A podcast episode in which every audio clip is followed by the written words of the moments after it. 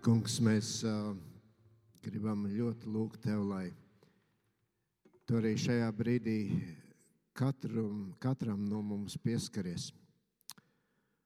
Un, uh, kā mēs tikko dziedājām, mēs uh, gribam visā pazemībā tuvoties Tev, ļaut Tev mūs uzrunāt caur savu svēto vārdu.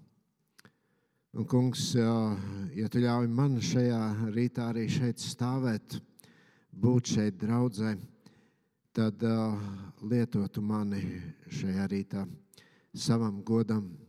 Un lai uh, šī vēsts ir uh, vēsts, kas mūs uzrunā, kas mūs uh, varbūt sapurina, varbūt uh, nomierina, bet pāri visam, lai uh, tā parāda tavas lielās rūpes un tavu bezgalīgo žēlastību, ko mēs kā cilvēki baudām. Amen. Jā, paldies, mīļie mūziķi, par to, ka tā soli pa solim arī jūs palīdzat mums nonākt pie šīs tēmas, ko mēs šajā rītā gribam pārdomāt. Un blakus tam, ka mēs dzīvojam tādā patriotismā laikā, un mēs daudz domājam par mūsu valsti, par brīvību, ko mēs varam baudīt. Un mēs bieži dzirdējām arī šajā laikā šos vārdus: Tev mūžam dzīvot Latvija. Tajā pašā laikā mēs kā cilvēki arī apzināmies to, ka mūsu dzīves laiks uz šīs zemes tas nav mūžīgs. Un uh, starp mums nav neviena, kas uh, piedzīvoja to brīdi, kad uh, Latvija kā tāda, kā valsts uh, nav šādi cilvēki mūsu vidū. Protams, ja mēs paraugamies vēsturē, vēsturē un Bībelē, mēs lasām, tur ir vīri, kuri ir dzīvojuši neiedomājami daudz gadus. Un no vecstāvs Metuzāls, kurš tiek uzskatīts kā vecākais cilvēks, nodzīvoja 969 gadus. Paiet laiks, un ja mēs tā pasakojam līdzi, tas gadu skaits arvien samazinās, samazinās. Ābrahāms nodzīvoja jau 175 gadus, un Ivars lasīja ievadā 90. psalmu, un mēs redzam, cilvēka dzīves laiks ir 70 gadi, kas ļoti stiprs, 80 gadi. Jā, citam tas, kā mēs sakām, bieži vien par cilvēka dzīvi, tas ir tāds īsts brīdis, citam tas tiešām ir īsts, citam garāks. Bet vienu gan mēs varam droši teikt, ka cilvēka dzīvei uz šīs zemes ir kāda dieva nosprausta robeža. Apostoliņu darbu grāmatā, 17. nodaļā, mēs lasām, no viena cilvēka viņš radīja visas cilvēku tautas, likdams tiem dzīvot pa visu zemes virsmu, iepriekš nolicis laikus un robežas, kur tiem dzīvot, lai tie meklētu dievu un kaut taustoties censtos viņu atrast, lai gan viņš nav tālu nevienam no mums. Un Bībele ļoti daudz runā par to, kādai tad ir jābūt tai mūsu cilvēku attieksmei pret eh, mums Dieva doto dzīves laiku. Jau pieminētajā 90. psalmā mēs lasām, kur uh, dziesmnieks lūdz, māci mums mūsu dienas tā skaitīt, ka mēs gudru sirdi dabūjam. Pāvils vēstulē Efeziešiem 5. nodaļā raksta, rūpīgi raugieties, kā jūs dzīvojat. Nedzīvojiet kā negudri, bet kā gudri. Izmantojiet šo laiku, jo šīs dienas ir ļaunas. Nēsiet nesaprātīgi, bet saprotiet, kas ir kunga griba. Un patīk mums tas vai nē, tad eh, katra diena mūs tuvina tai robežai, kad mūsu cilvēku dzīves laiks beigsies. Šis, šī svētdiena ir baznīcas gada pēdējā svētdiena. Un, uh, mēs viņu saucam par mūžības svētdienu, jeb uh, bieži vien uh, par mirušo piemiņas dienu. Uh, Šis ir laiks, kad uh, varbūt mēs vairāk aizdomājamies par tiem mūsu mīļajiem, kuri savu dzīves gaitu jau ir beiguši. Varbūt aizejam uz kapsētu, un uh, vakar arī mēs bijām uh, svecīšu vakarā aizputes kapos. Un, uh, es tā vēroju cilvēkus, kuri tur bija diezgan daudz. Un, uh, jā, tas ir laiks, kad cilvēki daudz ko atceras kur varbūt eh, daudziem ir kaut kādas skumjas sirdī. Un, uh, es šajā rītā izvēlējos uh, vārdus, ko raksta apustulis Pāvils vēstulē, otrajā vēstulē korintiešiem uh, par mūsu pārdomu tekstu. Un domāsim par to, kā tad dzīvot mūsu dzīvi. Kā dzīvot mūsu dzīvi bet dzīvot to ar mūžības perspektīvu. Un otrajā vēstulē korintiešiem 4. nodaļā no 16. līdz 18. pantam mēs lasām tā. Tāpēc mēs nepiekūstam, bet lai gan mūsu ārīgais cilvēks sadilst, mūsu iekšējais dienu no dienas atjaunojas Jo tagadējās grūtības, kas ir vieglas, dod mums neizsakāmi lielu mūžīgu godību. Ja mēs neņemam vērā to, kas ir redzams, bet to, kas nav redzams. Jo redzamais ir laicīgs, bet neredzamais mūžīgs. Šeit apustulis Pāvils arī runā par dzīvi par dažādām dzīves grūtībām, ar ko cilvēkam ir jāsastopas. Bet, ja jūs uzmanīgi klausījāties, tad Pāvils blakus tam, kad viņš redz šo dzīvi un pats to izbauda, kāda tā ir, viņš liek šo uzsvaru uz to, kā dzīvot ar šo mūžības perspektīvu. Un šodien gribu kopā ar jums atbildēt uz diviem jautājumiem. Vispirms, to, kas tad ir šis mūžības skatījums, jeb šī mūsu dzīves mūžības perspektīva, un tad kā iemācīties dzīvot ar to. Tāpēc mēs nepiekūstam. Bet, lai gan mūsu ārīgais cilvēks sadilst, mūsu iekšējais dienu no dienas atjaunojas. Mēs jau katrs uh, droši vien dienu sākot pieejam pie spoguļa, ieskatāmies, uh, paskatāmies uz sevi.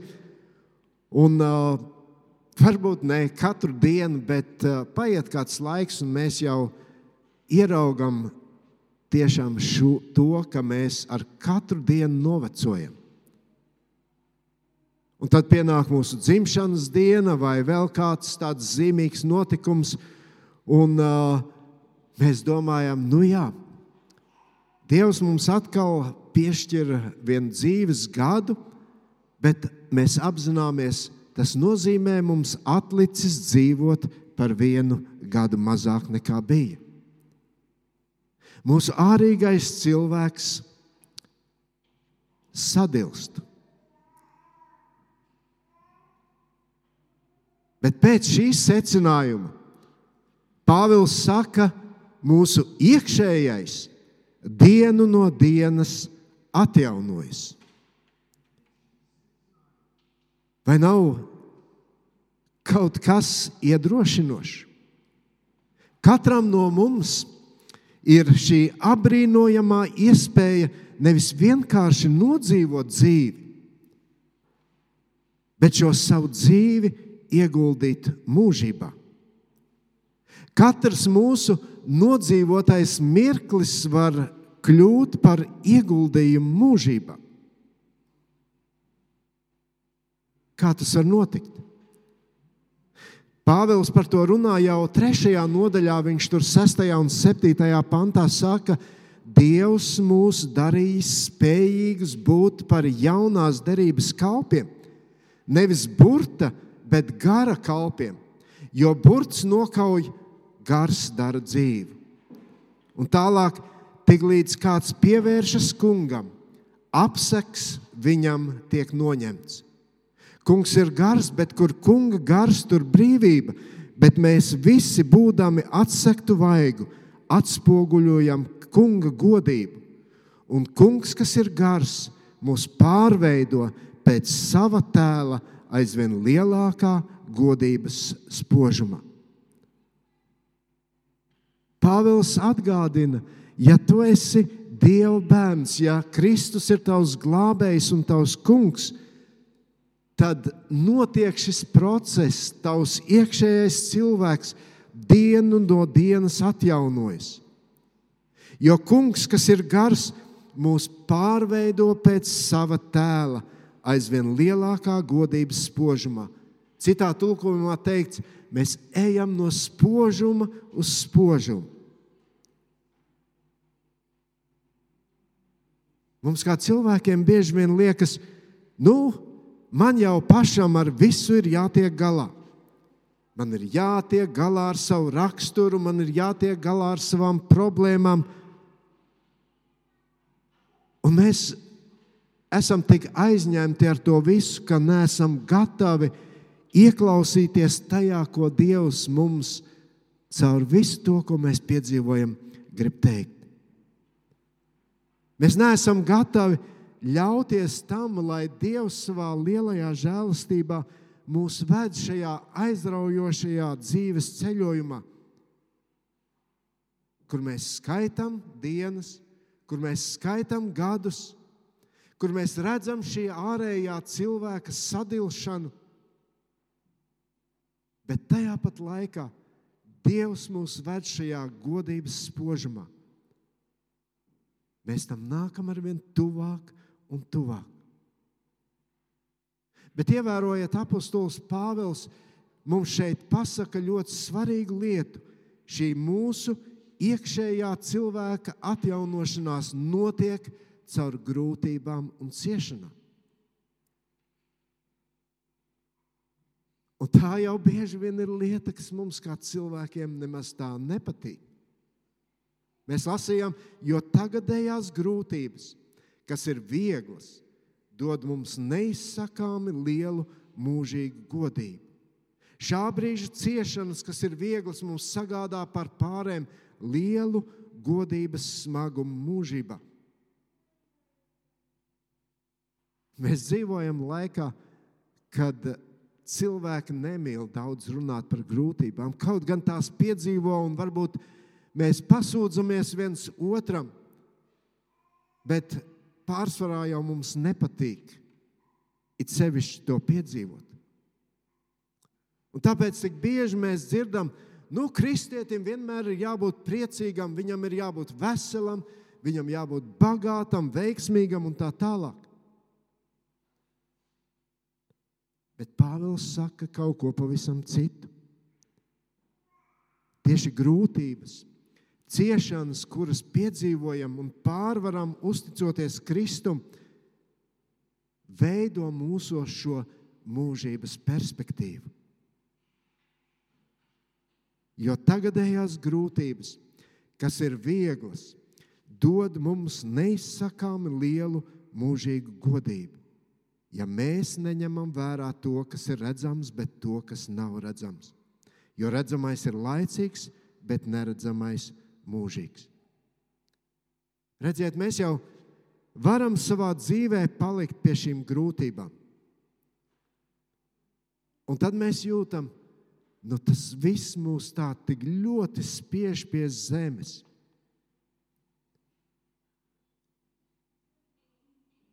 Šīs grūtības mūs vienmēr spiedīs pie zemes, ja mēs neredzēsim šo mūžības perspektīvu arī šīm grūtībām. Un tāpēc ir tik svarīgi iemācīties dzīvot ar šo mūžības perspektīvu. Un, mīļā, es jau negribu, un es nepretendēju uz to, ka esmu kaut kāds eksperts šajās lietās. Un tāpēc es vēlos tikai akcentēt tos padomus, kurus mēs atrodam Bībelē. Ja mēs tā paskatāmies uz savu dzīvi, tādā Bībeles vēstures panorāmā, ko mēs tur redzam? Bībele sākas ar pasaules radīšanu. Dievs rada debesis, zemi, Viņš rada cilvēku. Un Bībele noslēdzas ar atkal ar kādu radīšanu, ar jaunām debesīm, ar jaunu zemi, ar mūžību. Un katrs no mums, kā cilvēki, mēs esam šajā dieva nospraustajā ceļā. Un mēs varam katrs sev uzdot šo jautājumu, kur es uz šī ceļa šobrīd atrodos. Kur es atrodos? Ko es redzu uz šī ceļa? Mums ir, es domāju, lielākai daļai pazīstama vēstule ebrejiem 11. nodaļa. Un tur mēs lasām šos vārdus, ka ticība ir tā ir cerības pamatā. Ka ticība ir tā, kas mūs pārliecina par neredzamām lietām. Tur mēs lasām, ka ticība, ticībā mūsu priekšgājēji ir saņēmuši dieva atzinību. Ticībā viņi ir dzīvojuši ar šo mūžības perspektīvu. Viņi ir piedzīvojuši, ka viņu dzīve ir neskatoties uz grūtībām un problēmām, viņi piedzīvo šo gaitu no spožuma uz spožumu. Ticībā mēs saprotam, ka visa pasaule ir veidota ar Dievu vārdu, tā kā no neredzamā ir cēlies redzamais. Un, ja mēs lasām tālāk, tad mēs tur redzam, kā vēstules autors rāda šos piemērus, šos paraugus dažādās dzīves situācijās. Viņš tur piemin no. Šis vīrs, kuram Dievs deva norādījumus par to, kas sagaida priekšā. Ka tas vēl nebija redzams, bet viņš uzticējās Dievam un sagatavoja šķirstu savu nama glābšanai. Vai tas bija viegli? Tas nebija viegli. Un, ja mēs lasām par šiem notikumiem, mēs redzam, ka neviens šim cilvēkam tā īsti nenoticēja. Pat viņa tuvākie ļaudis viņam nenoticēja. Viņu apsmēja. Viņš ceļ kuģi vietā, kur pat ūdens nav tuma. Kāpēc Mozus to, no to dara? Viņš uzticējās tam, kurš redzēja to, kas mums cilvēkiem nav vēl redzams. Viņš uzticējās Dievam, kurš zina labāk. Tālāk mēs lasām par Ābrahāmu, un mēs lasām, ticībā Ābrahāms paklausīja Dieva aicinājumam un devās uz vietu, kas viņam bija jāiemanto. Viņš gāja pat nezinādams, kurp dodas. Abrahams nevarēja izlasīt dažādus aprakstus, kur cilvēki apraksta, kā viņi ir bijuši tajā vietā. Viņš pat nevarēja apskatīties kartē, kur šī vieta atrodas. Nebija tādas iespējas. Mums ar savām iespējām bieži vien ir tik nērti, ka kaut kas ir jāatstāj, kaut kas ir jāpamet un jādodas. Bet viņš to darīja. Mēs lasām, ka ticībā viņš mitinājās apsolītajā zemē kā svešinieks, dzīvodams teltīs ar tā paša apsolījuma līdzmantiniekiem Īzaku un Jēkabu.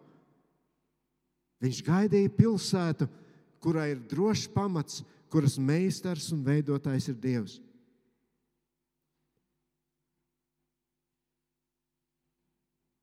Tad mēs tur lasām par mūzu.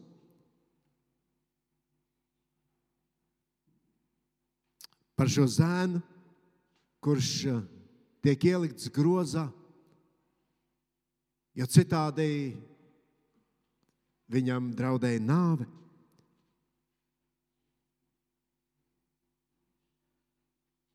Un mēs lasām ticībā, Mūzus, kad viņš pieauga, liedzās saukties par faraona meitas dēlu. Viņš izvēlējās labāk paciest ļaunumu kopā ar dieva tautu, nekā iegūt īslaicīgu grēcīgu iepriecinājumu. Negodu Kristus dēļ viņš turēja par lielāku bagātību nekā visu Eģiptes mantu, jo viņš raudzījās uz atalgojumu. Ticībā viņš pameta Eģipti un nebijās valdnieka dusmu. Viņš bija tik nelokams, it kā viņš redzētu to, kurš ir neredzams.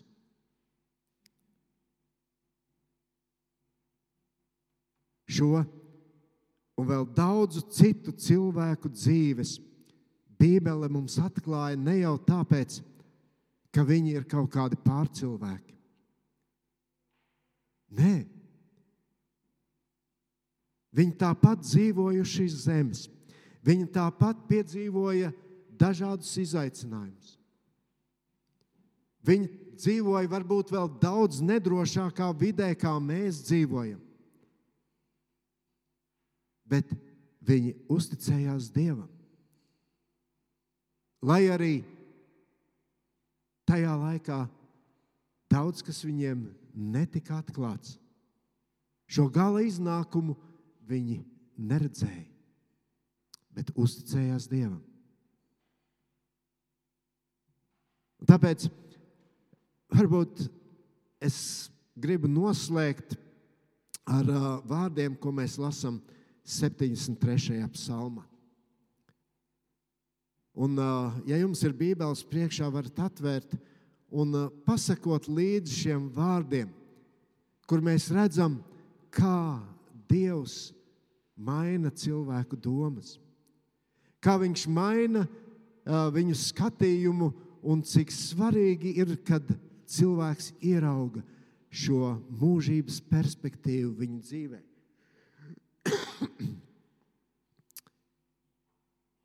Tiešām vēlīgs ir Dievs Izrēlam, tiem, kam sirdis ir šķīstas.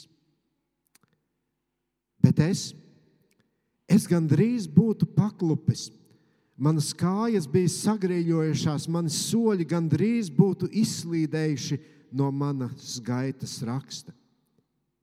Jo es dusmojos par lielīgajiem, kad es redzu, ka bezdieviem tik labi klājas.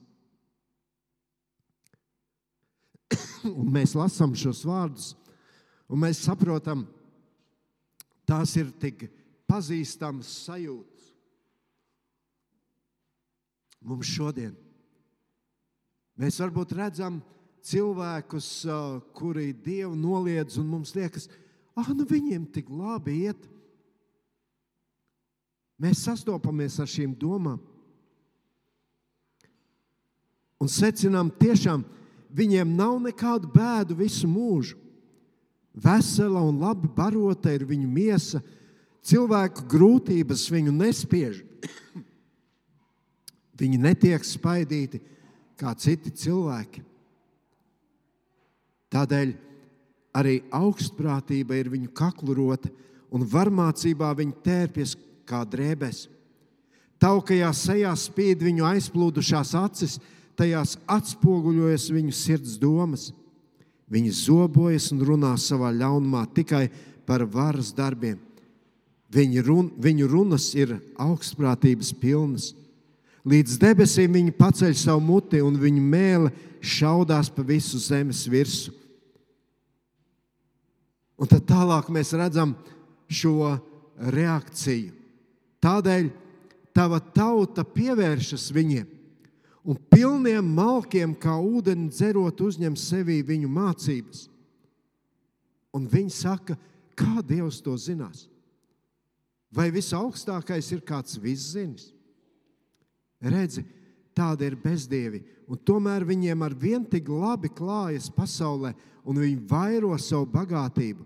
Tiešām veltīgi es esmu paturējis šķīstu savu sirdi un mazgājis nevainībā savas rokas. Un mani taču nelaime mocīja katru dienu, un bargi mani pārmācīja ik rītus. Un cilvēks var nonākt tādā izmisumā. Nu, kā tas var notikt, ka cilvēki, kuri paļaujas uz sevi un nevis dievu, viņiem dzīvē klājas labāk? Bet tas ir tikai tik ilgi, kamēr viņš redz tikai to, ko redz. Kamēr mēs redzam tikai to, kā citi cilvēki dzīvo, kā viņiem veicas, kā viņiem viegli iet pa šo dzīvi. Un, kad mēs lasām tālāk, tad mēs redzam, ka šī cilvēka domas mainās tad, kad viņš uz savu dzīvi sāk paskatīties un arī citu dzīvēm no šīs mūžības perspektīvas. Tomēr, ja es domātu, es runāšu tāpat kā viņi, redzi, tad es apgrēkotos pret visu tavu bērnu dzimtu.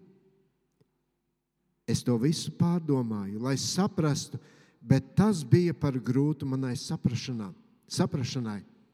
Tiekams, es iedziļinājos Dieva noslēpumos, un kļuvu uzmanīgs uz to, kāds gals viņus sagaida. Tiešām, tu viņus nostati uz slidena ceļa un liec viņiem gāzties, lai viņi iet postā. Cik pēkšņi viņi tiek iznīcināti, aizrauti projām un izbailēs dabū galu. Kā sapnis, kas uzmostoties ir zudis, tā tavā priekšā visu varnais tev ceļoties, viņi tēli būs pēc tavas pavēles pazuduši. Ja mana sirds tomēr vēl vairāk sarūktinātos, un es savās iekšās, un savās iekšās es sajustu sašutumu, tad es būtu galīgs nejēga un nezinātu nekā. Es būtu kā bezprāta kustonis tavā priekšā. Un tad šis cilvēks saka, bet pie tevis es palieku vienmēr. Tu mani turi pie manas labās rokas.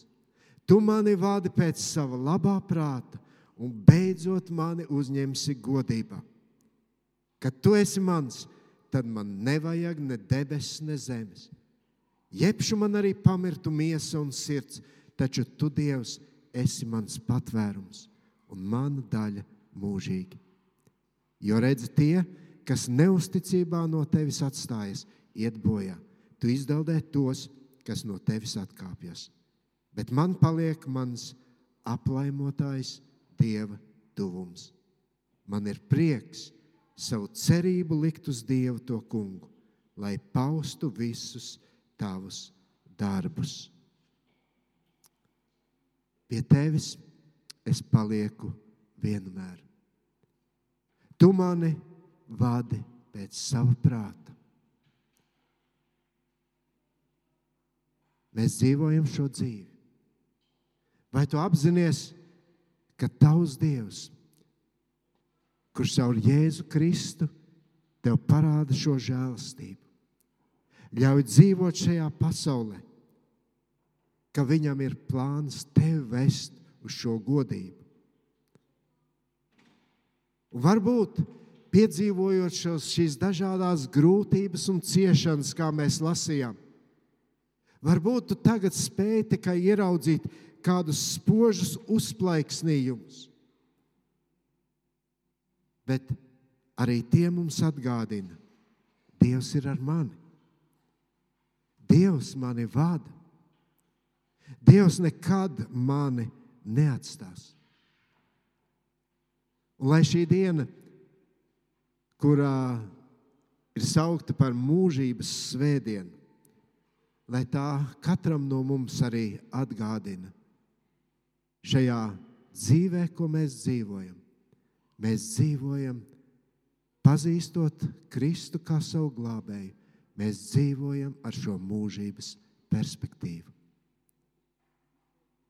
Mēs ejam no spožuma uz spožumu līdz nonākam tur, kur ir šī godība kopā ar Kristu. Lūksim Dievu. Debes Tēvs, paldies Tev, ka Tu caur savu vārdu mums rādi šo skaisto ainu.